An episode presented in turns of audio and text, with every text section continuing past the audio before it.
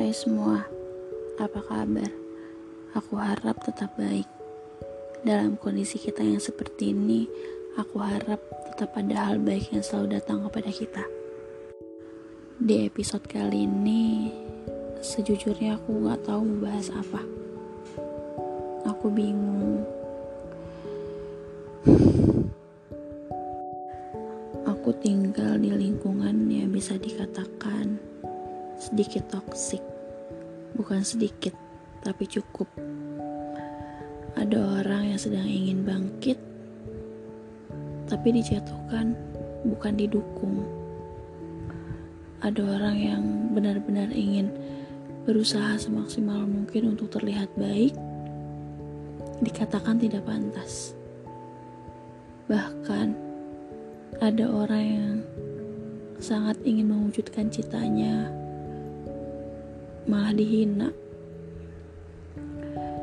Mengalah pada orang lain itu sudah hal yang sering aku lakukan. Tapi mengalah pada diri sendiri sulit sekali damai.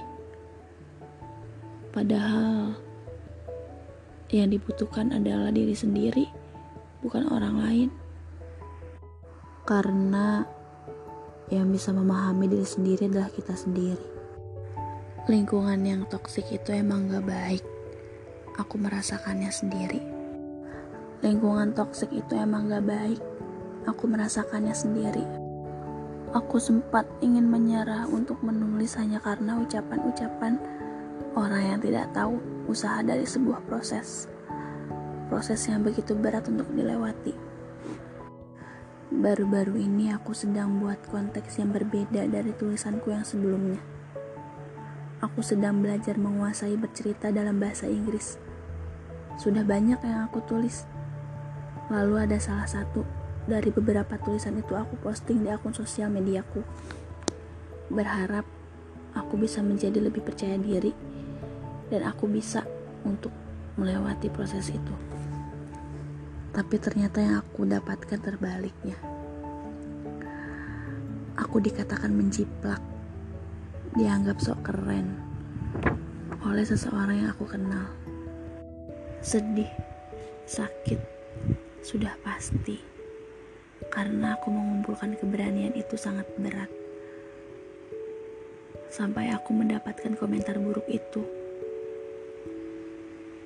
Aku tidak berani lagi mengekspos tulisanku dengan gaya yang berbeda itu.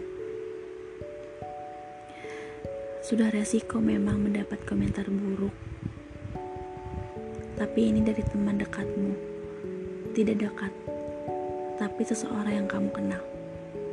Seseorang yang tahu prosesmu bagaimana. Ia mengatakan seperti itu. Bagaimana hati itu ini tidak teriris? Kita emang gak bisa nebak isi kepala orang lain ya.